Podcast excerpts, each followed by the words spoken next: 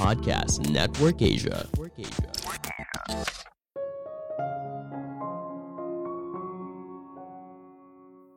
Mengakui kesalahan memang tidak mudah. Kita lebih membenci untuk mengakuinya daripada melakukan kesalahan tersebut.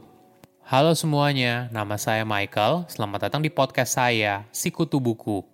Kali ini saya akan membahas buku Black Box Thinking karya Matthew Shedd. Sebelum kita mulai, buat kalian yang mau support podcast ini agar terus berkarya, caranya gampang banget. Kalian cukup klik follow. Dukungan kalian membantu banget supaya kita bisa rutin posting dan bersama-sama belajar di podcast ini.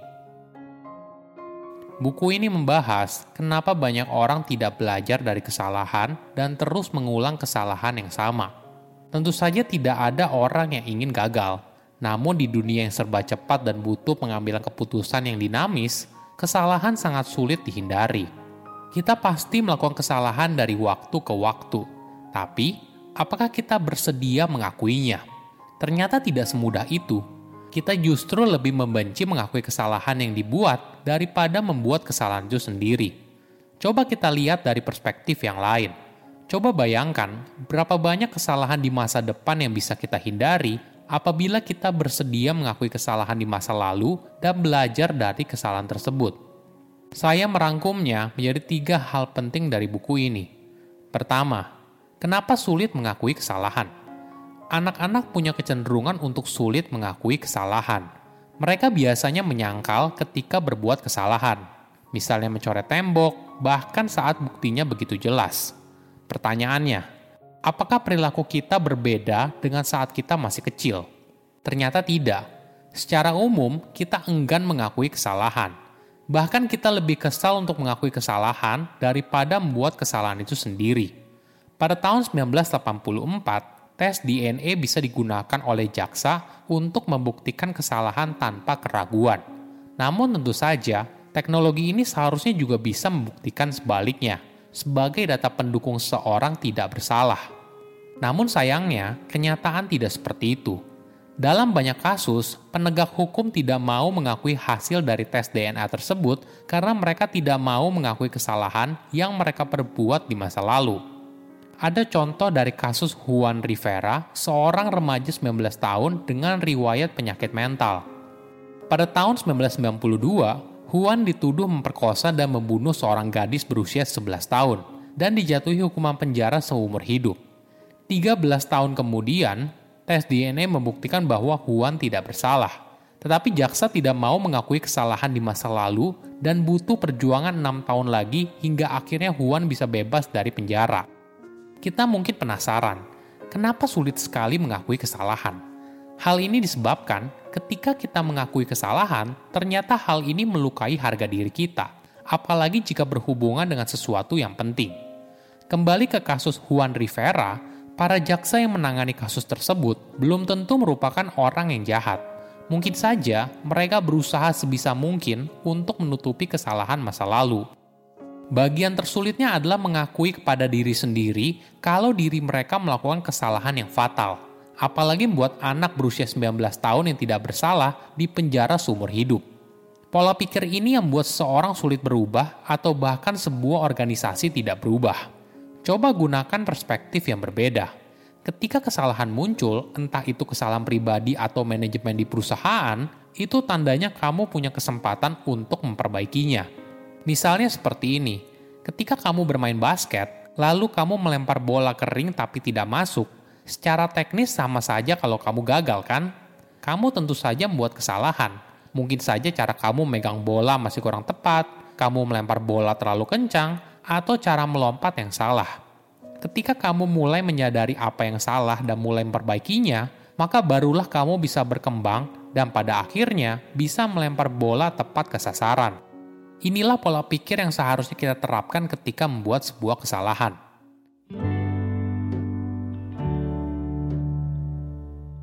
Kedua, akibat fatal tidak mengakui kesalahan.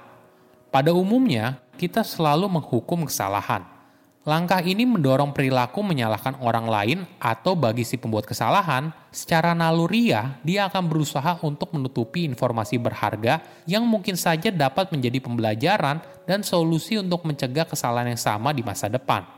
Akibatnya, kesalahan yang sama akan terulang lagi di masa depan. Black box thinking atau pemikiran kotak hitam adalah kemauan dan kegigihan untuk menyelidiki apa hikmah dari kejadian tersebut saat kita gagal. Ini merupakan sebuah sistem dan budaya yang memungkinkan sebuah perusahaan agar bisa belajar dari kesalahan masa lalu. Dalam industri penerbangan, kotak hitam mencatat apa yang terjadi di dalam kokpit pesawat saat penerbangan. Kotak ini berisi informasi yang sangat penting dan berharga saat penyelidikan apabila terjadi kecelakaan. Informasinya lalu dianalisa dan diperiksa secara menyeluruh apa yang salah Hasil penyelidikan lalu akan dijadikan dasar evaluasi dan tindakan mencegah kecelakaan di masa depan. Proses inilah yang membuat potensi kecelakaan pesawat terbang telah turun secara dramatis selama beberapa dekade terakhir. Boleh dibilang, keamanan moda transportasi yang kita nikmati sekarang berasal dari pelajaran berharga yang diperoleh dari tragedi masa lalu. Ada fakta yang ironis. Ketika kita dihadapkan dengan bukti yang menantang keyakinan yang kita pegang teguh, kita lebih memilih untuk membingkai ulang bukti sesuai keyakinan yang kita miliki daripada mengubah keyakinan tersebut. Inilah yang membuat kesalahan diulang terus-menerus dan bahkan sampai terjadi selama ribuan tahun. Ada contoh yang menarik dari tradisi bloodletting. Jadi ini merupakan proses pengobatan medis dengan cara melukai diri pasien, lalu membiarkan darahnya keluar sedikit demi sedikit. Hal ini berdasarkan pada kepercayaan zaman dulu yang mengatakan kalau seorang menjadi sakit karena proporsi darah yang tidak berimbang dalam tubuhnya. Praktik pengobatan ini sangat populer dan berlangsung hingga lebih dari 1700 tahun. Para dokter zaman dulu tidak menyangka kalau praktek ini sangat berbahaya dan tidak dapat menyembuhkan penyakit. Yang terjadi justru sebaliknya. Tubuh pasien menjadi lemah karena terlalu banyak darah yang keluar dari tubuhnya lalu meninggal dunia. Bukan hanya itu, pasien yang sering melakukan bloodletting ternyata juga bisa meninggal akibat infeksi pada luka sayatannya.